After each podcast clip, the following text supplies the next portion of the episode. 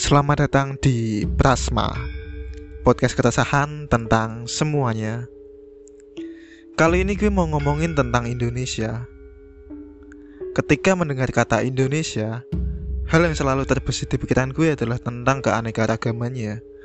Entah itu budaya, ras, agama, dan opini-opini yang keluar dari kepala orang Indonesia. Semuanya memiliki keanekaragaman warna yang menyatu dalam satu palet.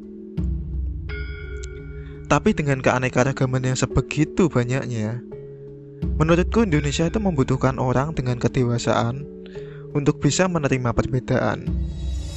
Dan itu yang mau gue bahas kali ini. Selalu ada oknum dalam setiap peristiwa ada saja orang yang bikin warna-warna yang ada di Indonesia itu jadi jelek di mata dunia. Ada saja orang dengan suatu kepentingan yang menyebabkan Indonesia itu kehilangan kedewasaannya. Indonesia itu punya banyak sekali perbedaan, dan itulah yang bikin Indonesia itu jadi terlihat indah. Gue itu suka sebel sendiri kalau ada orang yang gak bisa nerima perbedaan. Seolah-olah kalau kita beda itu kita nggak bisa bersama selama kita masih kayak gitu kita itu nggak bakalan bisa berkembang kalau ada orang yang maunya berteman cuma dengan yang sama berarti orang itu belum cukup dewasa untuk Indonesia. Karena Indonesia itu butuh orang-orang dewasa yang bisa menerima keberagaman. Perbedaan yang ada di Indonesia itu gak bisa dihilangkan.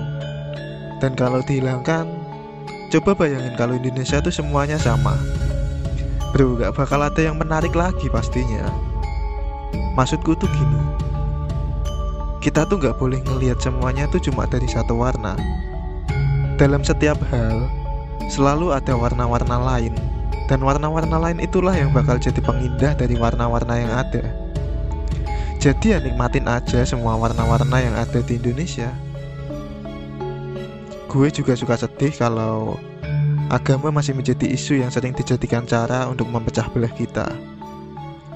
Gue tahu kalian sangat yakin kalau cuma agama kalian yang paling benar. Ya, dan itu adalah hal yang memang wajib diyakini. Memang harusnya seperti itu kok. Tapi kalian pernah mikir gak? Kalau orang lain tuh juga meyakini hal yang sama Bahwa setiap orang itu pasti merasa kalau yang paling benar tuh yang yang dia yakini. Semua orang tuh pasti mikir gitu.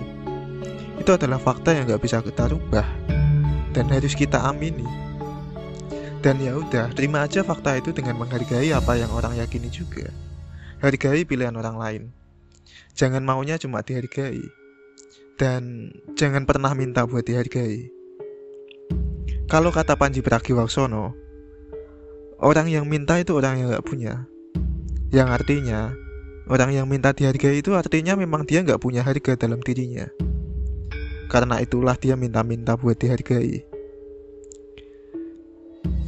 77 tahun Indonesia merdeka Dan agama masih menjadi isu yang bisa memecah kita Dan gak cuma itu Banyak sekali isu-isu remeh yang bikin pecah Indonesia Bahkan karena pilihan sepatu aja loh didebatin sepatu dogmat kemarin contohnya. Ada lagi tendang babi, LGBTQ, pilpres, vaksin, dan masih banyak lagi. Banyak sekali hal yang seharusnya gak perlu jadi perdebatan, malah jadi perdebatan yang bahkan sampai mengancam nyawa. Tapi lagi-lagi gue mikir, mungkin saja itu semua juga bagian dari warna-warna yang ada di Indonesia. Dan sebenarnya gue juga bingung harus bereaksi seperti apa. Gue paham kalau segala sesuatu itu ada baik dan buruknya. Tapi ngedebatin isu-isu remeh, perlu gak sih? Coba deh kasih opini kalian di kolom komentar. Indonesia itu gak butuh bersatu. Indonesia itu butuh belajar caranya menghargai pilihan orang. Indonesia butuh kedewasaan. Selama Indonesia belum bisa ngatasin itu, menurutku kita hanya akan terus berada dalam kemerdekaan palsu itu aja yang mau gue sampaikan kali ini. Semoga Indonesia bisa terus bertumbuh menjadi lebih baik lagi, lagi dan lagi. Gue yakin sih suatu saat Indonesia pasti bisa. Gue yakin akan ada masanya di mana semua orang Indonesia itu bisa menghargai pilihan orang. tanpa pernah nuntut buat dihargai. Terima kasih.